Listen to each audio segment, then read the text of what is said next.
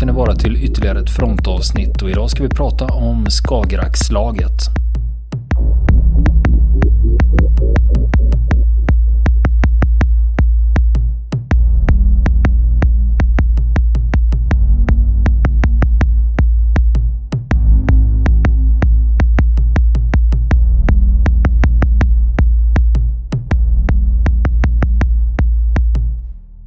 1830 så händer det massor av saker på en och samma gång.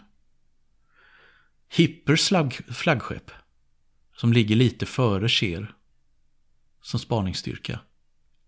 De upptäcker en, ännu en av Beatys slagkryssare. Invincible. 90 sekunder strid. Tre salver.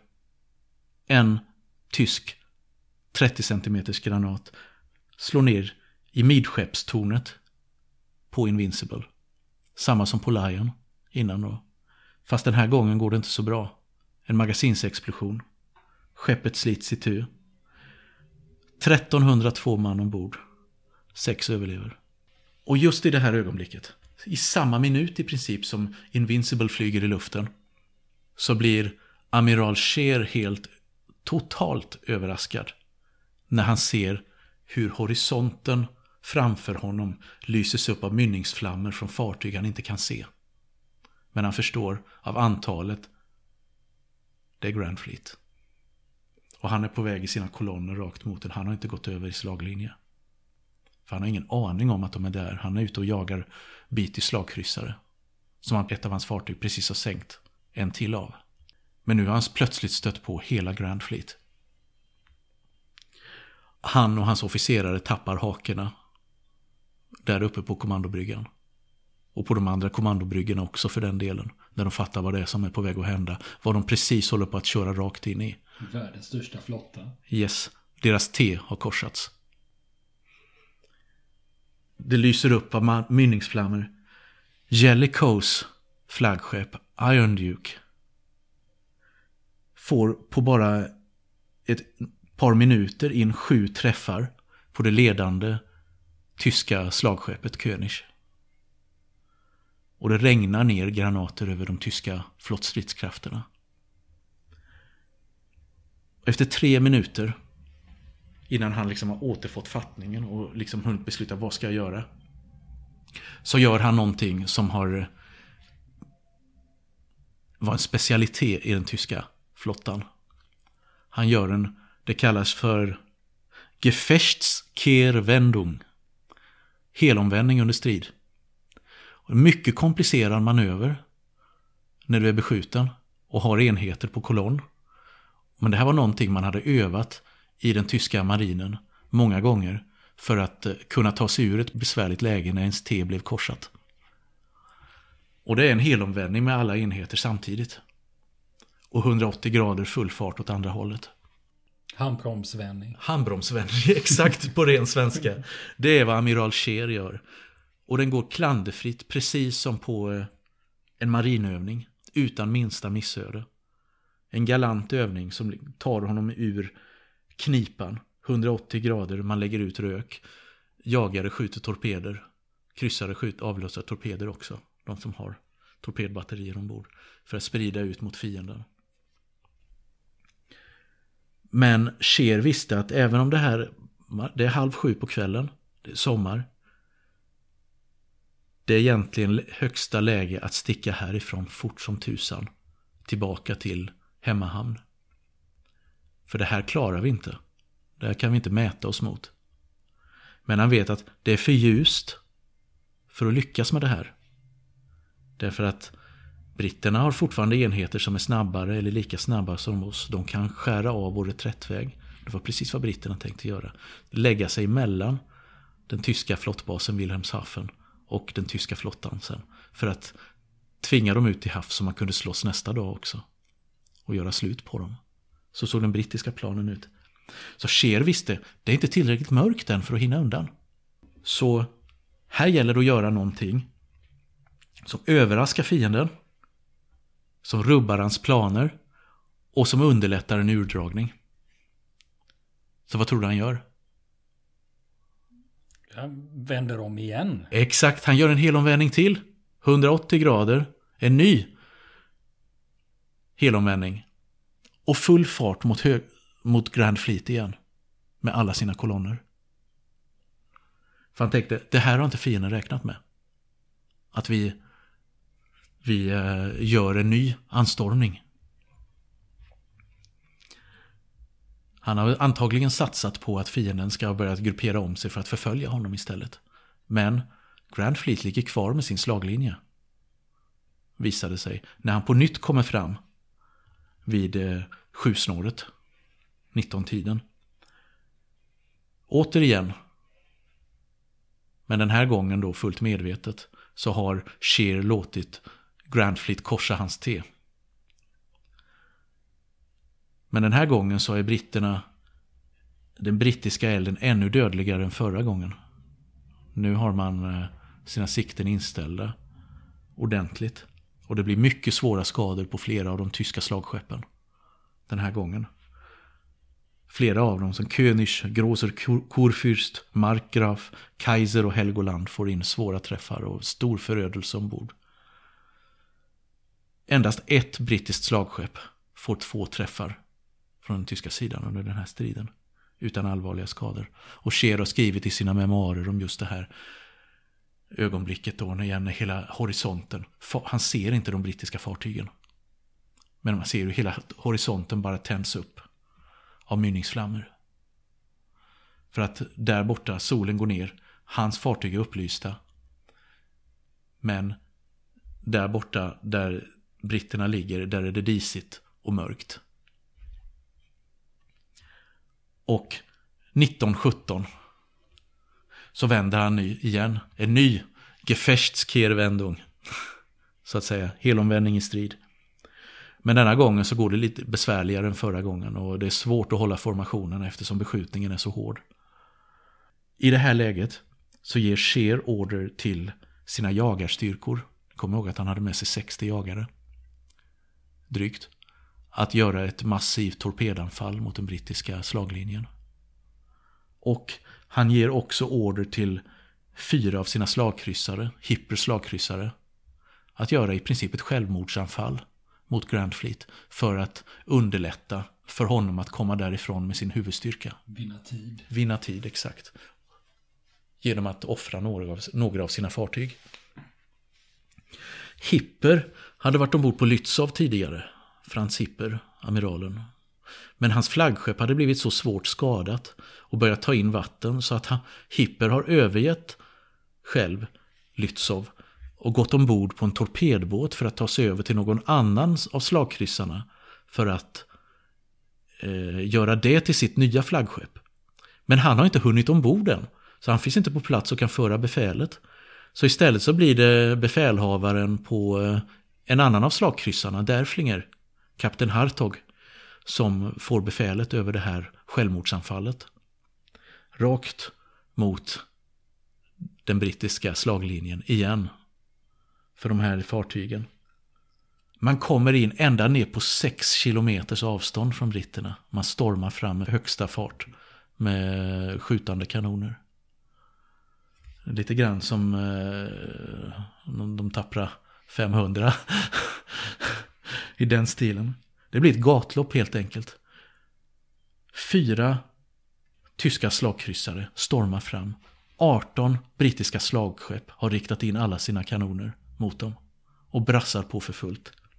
Så nästan alla slagkryssarna, alla utom tre slagkryssare av fyra får mycket svåra skador.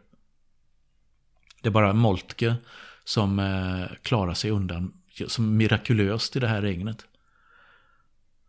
På Derflinger så förstörs två av kanontornen av de här. Men eh, stora förluster i besättningen men man undviker magasinsexplosioner som på de brittiska fartygen håller sig flytande.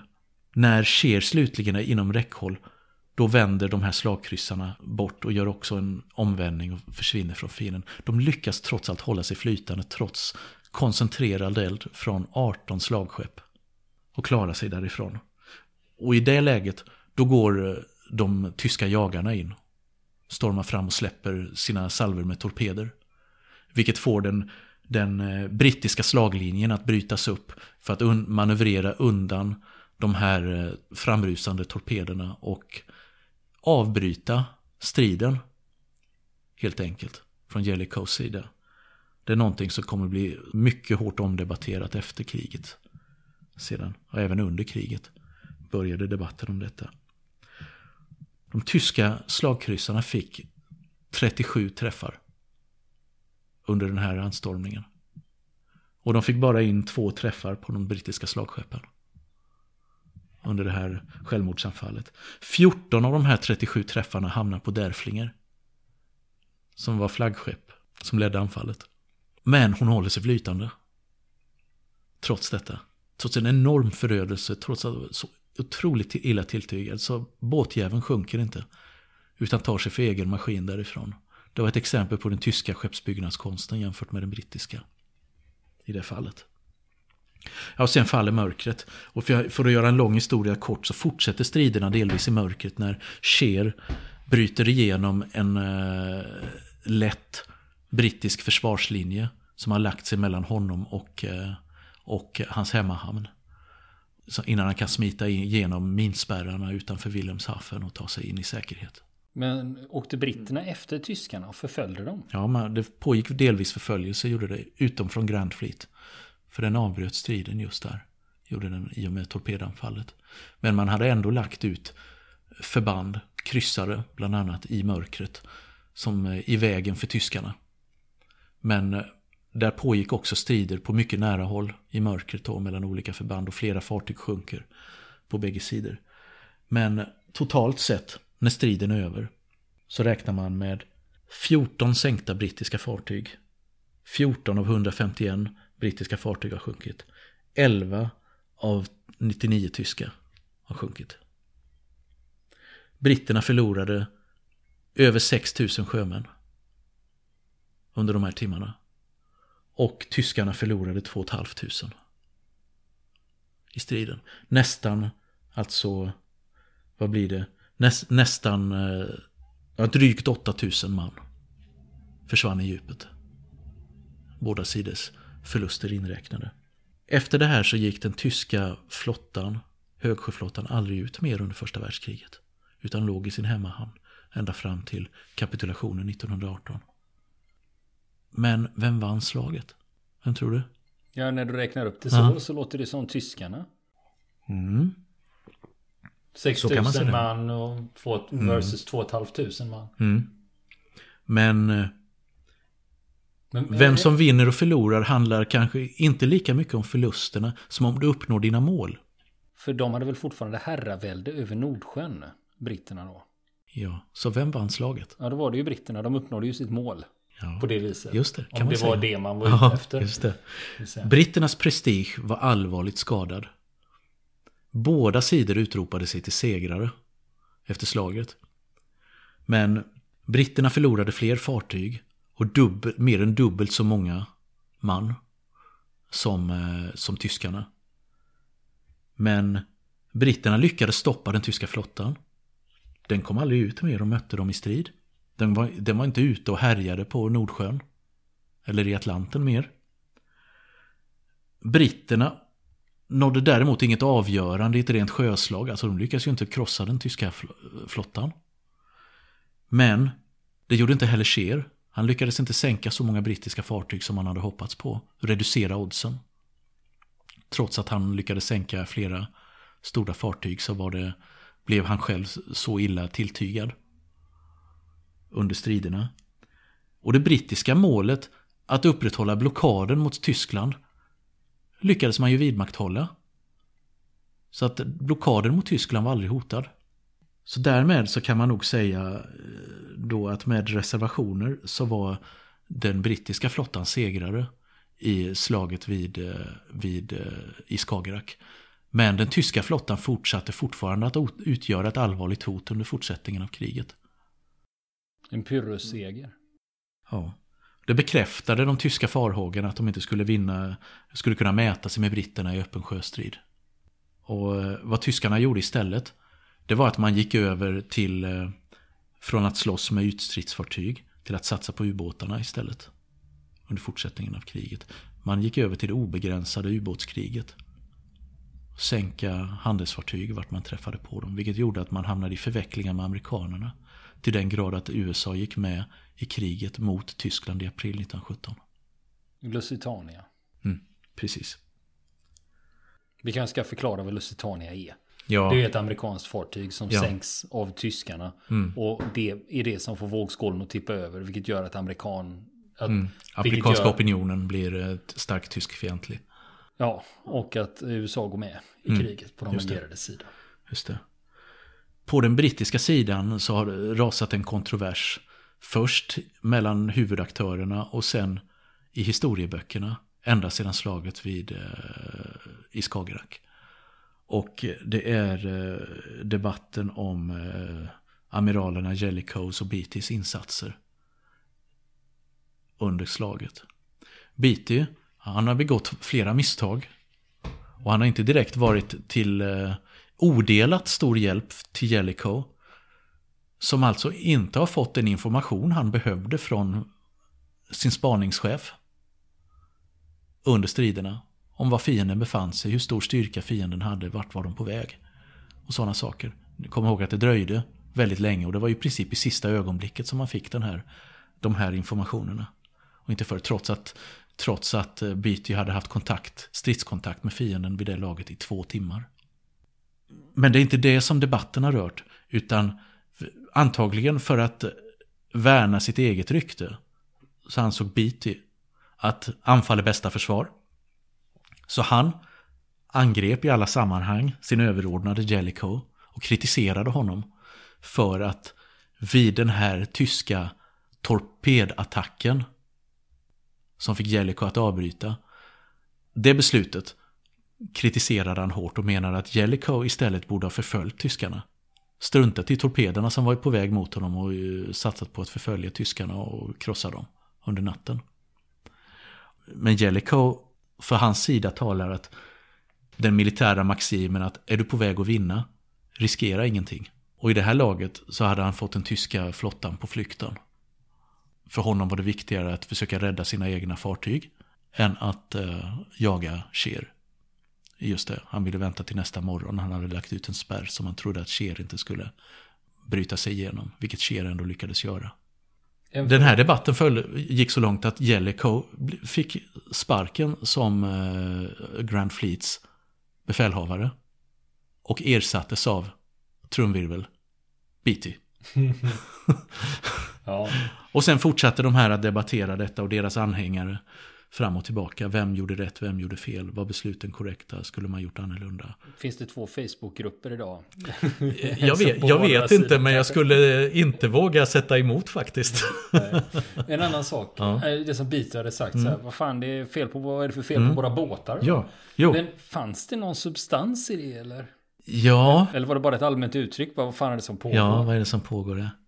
Ja, för det första ska vi ju komma ihåg då att de brittiska fartygen, slagkryssarna, var ju tunnare bepansrade än sina tyska motsvarigheter. De hade hastigheten att lita på och sina kanoner. De brittiska pansarbrytande granaterna, de var av sämre stuns i dem än de tyska. Kom de i fel vinkel så trängde de inte in som de skulle. Som man hade förväntat sig i de tyska fartygen. De var tjockare bepansrade också naturligtvis, vilket gjorde sitt till. Medan de tyska granaterna var mer pulver i dem. Fick de tränga in i skroven och explodera in i fartygen. Och det var ju på det sättet som flera fick magasinsexplosioner då. Bland annat tre av slagkryssarna som flög i luften. Men så gott som man och allt.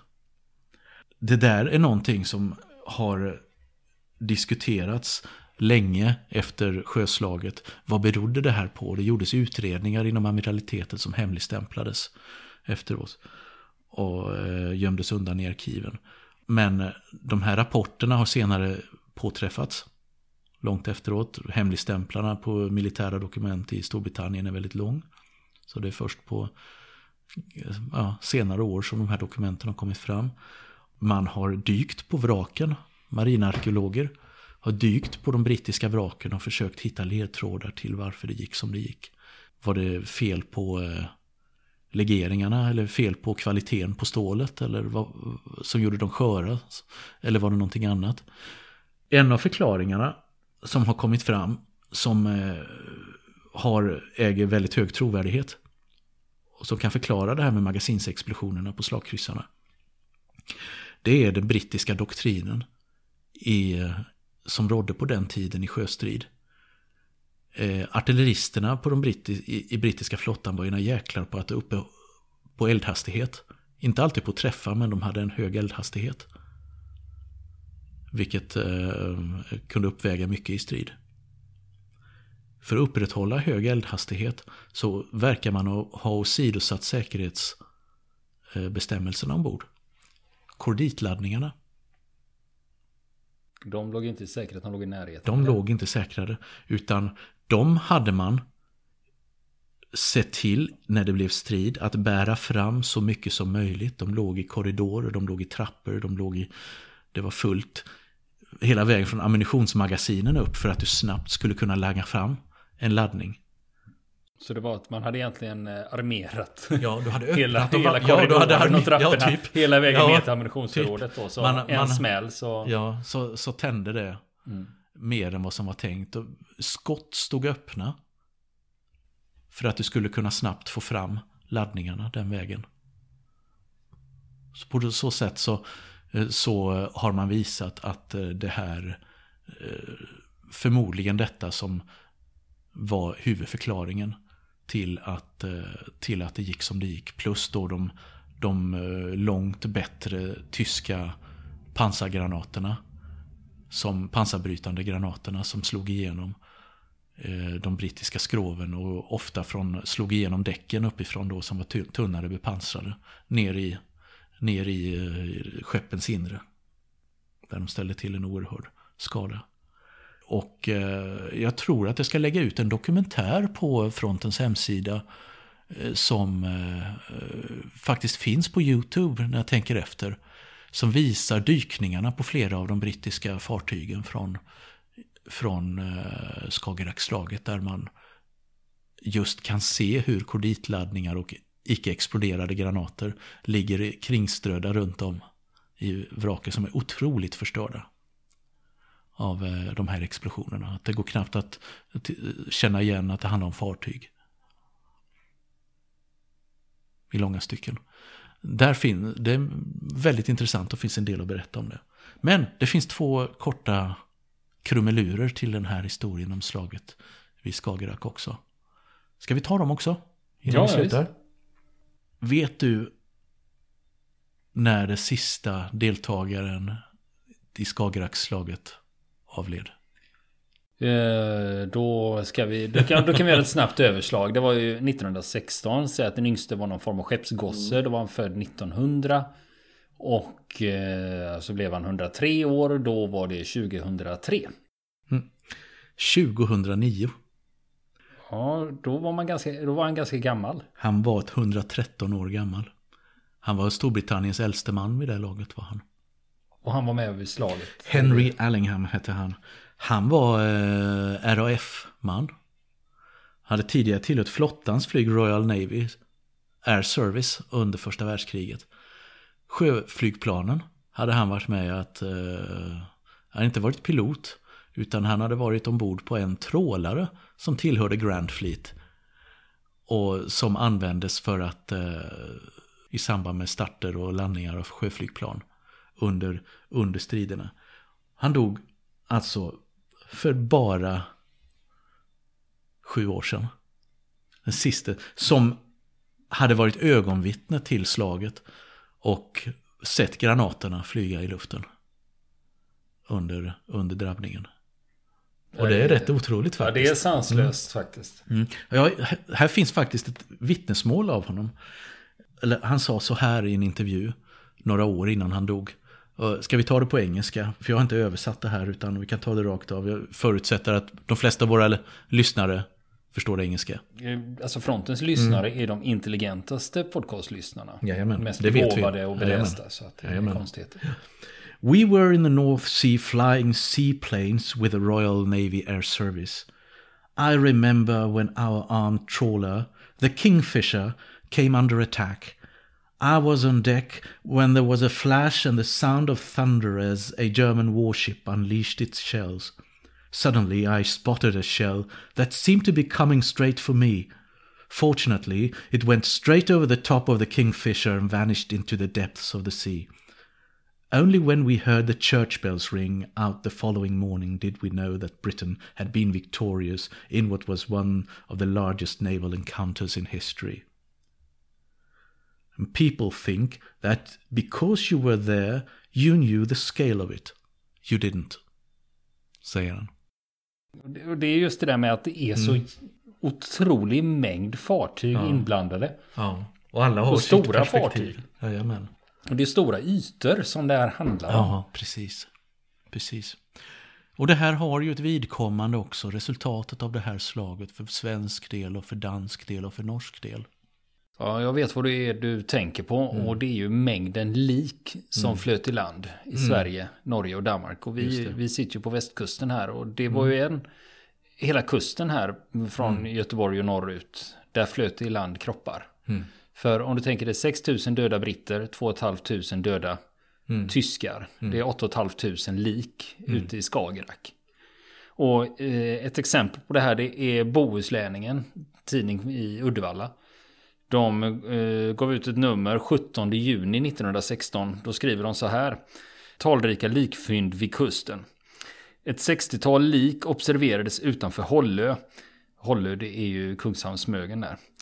Makrillfiskare från Kungshamn fingo i onsdags morse bevittna en sorglig syn några mil utanför Hållö, där havet var betäckt av döda flottister iförda uniformen och livbälten. Man kunde räkna till 40 à 50 mer eller mindre tilltygade lik som flöt omkring på vattnet och syntes driva norrut. Somliga vore i fullkomligt upplösningstillstånd och kunde därför icke upptagas i båtarna. Tre infördes till Gravarne, där de under dagens lopp besiktigades och det befunnes vara en engelsk och två tyska matroser. De kommer senare att jordfästas och Gravenes kyrkogård. Ilandförda och begravda på Öckerö. Under veckan har talrika likfynd gjorts ute i Skagerrak och Kattegatt. Liken synes härröra från det stora Nordsjöslaget och är i allmänhet iförda uniform. Såväl tyska som engelska sjöofficerare och matroser har anträffats. Redan före pingst infördes till Öckerö liket av en eldare eller maskinist, förmodligen från något engelskt krigsfartyg. Liket gravsattes i tisdags på Öckerö kyrkogård. Natten till onsdagen infördes av Öckeröfiskare ännu ett lik och inlades i öns bårhus. Det var ifört uniform och hade förband om huvudet. Begravningen sker på Öckerö kyrkogård. Av makrillfiskare från Hälsö, en parentes bara, det, Hälsö det är ön som ligger precis strax norr om Öckerö då. Okay. Eh, av makrillfiskare från Hälsö anträffades på onsdagen tre mil utanför Hamneskär två lik det ena av en sjöofficer och det andra av en matros som fastnat i makrillgarnen. De döda fördes till Öckerö för att besiktigas och begravas. Och jag har faktiskt varit ute på Öckerö kyrkogård och mm. tittat på de här gravarna. Mm. Och då lät det så här. Det är nu hundra år sedan slaget skedde, det stora sjöslaget ute på Skagerrak. Och här på Öckerö kyrkogård, här ligger flera kroppar från sjömännen som flöt i land från det stora, stora sjöslaget. Här står det en stor minnessten i mitten vid krigsgravarna och här står det tyska och engelska sjömän stupade i sjöstrider 1916 och 1918. Det sitter även några namn här. F. Dröge, Spiegerman, Rudert, Länger och Ringers med flera okända är det noterat också. Det föllo i strid för fosterland. Från stridens larm från stormigt hav i fridom funnit här sin grav. Och det är Öckerö församling som har rest den här stora minnesstenen 1919. För det flöt ju i land en hel del kroppar efter sjöslaget. Den stora minnesstenen, på vänstersidan om den, där har vi tyska krigsgravar. Eh, den första stenen, där står det på tyska att det är 11 tyska soldater som ligger här från andra världskriget 39 till 45. Sen på nästa sten så står det fyra tyska soldater 1914 till 1918 och de är inte identifierade. Men sen har vi tre stenar med tyska namn på, bland annat Belting, Bickel, Gutzeit, Hackel, Raschat och Wienhöfer. Och sen fortsätter namnen på de två andra stenarna. Och till höger om den här stora minnesstenen som jag nämnde, där har vi de brittiska och allierade gravstenarna. Bland annat eh, faktiskt eh, sergeanten John C. Williams som vi gjorde ett eh, specialavsnitt om och berättade hans historia. Men här har vi två stenar som eh, är resta av Royal Navy. Och där står det bara A sailor of the Great War, Royal Navy, known unto God. Och sen en identisk likadan sten bredvid. Och det är då två brittiska sjömän som har flutit i land här under första världskriget. Jo, det, det, finns en sak till som är intressant att berätta när det gäller eh, slaget i Skagerrak. Det är en sak som kan göra att den intresserade får väldigt stor lust att åka till Belfast. Av alla ställen. Ja, men, alla ja, ställen. Forts ja men fortsätt nu. Jajamän. Ja, Belfast. Mm. Jo, för i Belfast ligger HMS Caroline, en brittisk kryssare, som är det sista fartyget som överlevt slaget. Och som fortfarande existerar. Och hon har precis i sommar, vid hundraårsminnet av slaget i Skagerrak, förvandlats till ett museum. Vad var hon innan då? Hon var för, först, hon var byggd 1914 som en eh, kryssare. Eh, sjösatt eh, strax efter krigsutbrottet 1914. Och eh, togs i tjänst strax före jul. Tjänstgjorde då i eh, Grand Fleet under hela första världskriget och deltog bland annat då i det här stora sjöslaget. Mot slutet av kriget fungerade hon även som, eh, ska man säga, improviserat hangarfartyg. För hon hade en plattform där flygplan kunde starta på. För patrullering av eh, Nordsjön. 1917-1918. När man eh, försökte genskjuta tyska zeppelinare som var på väg för, till England för att bombardera brittiska städer. Hon användes då även under mellankrigstiden då som eh, utbildningsfartyg och placerades i reserv. Och under andra världskriget så var hon inte i stridande tjänst. Utan låg i Belfasts hamn hela tiden.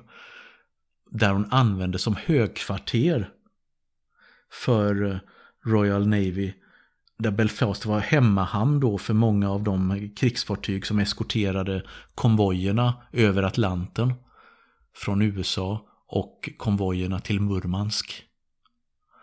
Och, så att hon hade en, eh, där fanns det militära staber ombord helt enkelt på, på det fartyget under andra världskriget. Sen så under efterkrigstiden så hamnade hon i det som kallas för Royal Navys Volunteer Service och fungerade som ett utbildnings och logementfartyg. Volunteer Service, man kan väl säga att det är en motsvaring till nationalgardet i USA i armén. En slags hemvärnsdel eller frivillig del av den brittiska flottan helt enkelt med reservister.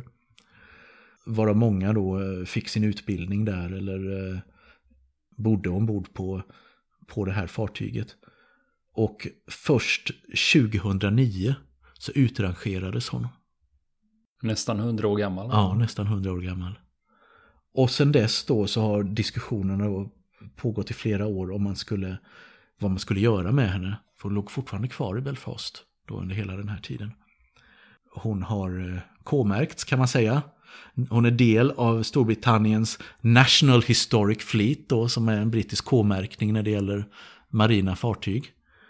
Och eh, har eh, varit omvårdad av eh, Marinmuseet i Portsmouth. Men 2016 så öppnades hon alltså som ett museiskepp i samband med 100-årsminnet av eh, sjöslaget vid Skagerrak och vid invigningen så var bland annat David Cameron på plats då, dåvarande brittiske premiärministern och den tyske presidenten Gauck. För det har varit ett högtidligt tillfälle. Och hon har inte varit öppen för allmänheten tidigare mer än vid något enstaka tillfälle i samband med en stor Titanic-utställning. Då släpptes, eh, för några år sedan, för då släpptes allmänheten ombord. Men eh, nu är det för första gången möjlighet att eh, gå dit och studera det här fartyget. En kryssare från första världskriget. Just när du säger Titanic, för Titanic mm. byggdes väl i Belfast? Just det, det stämmer. Det stämmer. Och ja, hon, hon ser ut som ett fartyg från första världskriget men hon har tyvärr ingen bestyckning kvar. Som man kan titta på för den är, den är eh, borttagen sedan länge. Men eh, fartyget i sig har en intressant historia. Och det, är ett, det, det låter som ett väldigt intressant besöksmål för den som är intresserad av marin historia, sjökrigshistoria. Eh, jag själv har fått en väldigt stor lust att åka till Belfast och när jag gjort det ska jag komma med en rapport inifrån fartyget. Till våra lyssnare. Det ser vi fram emot. Vill ni komma i kontakt med oss så kan ni göra det via vår Facebook-sida som heter Fronten. Det är inga problem för er att leta er fram där. Eller också så mejlar ni på vår mejladress och det är frontenpodcast.gmail.com.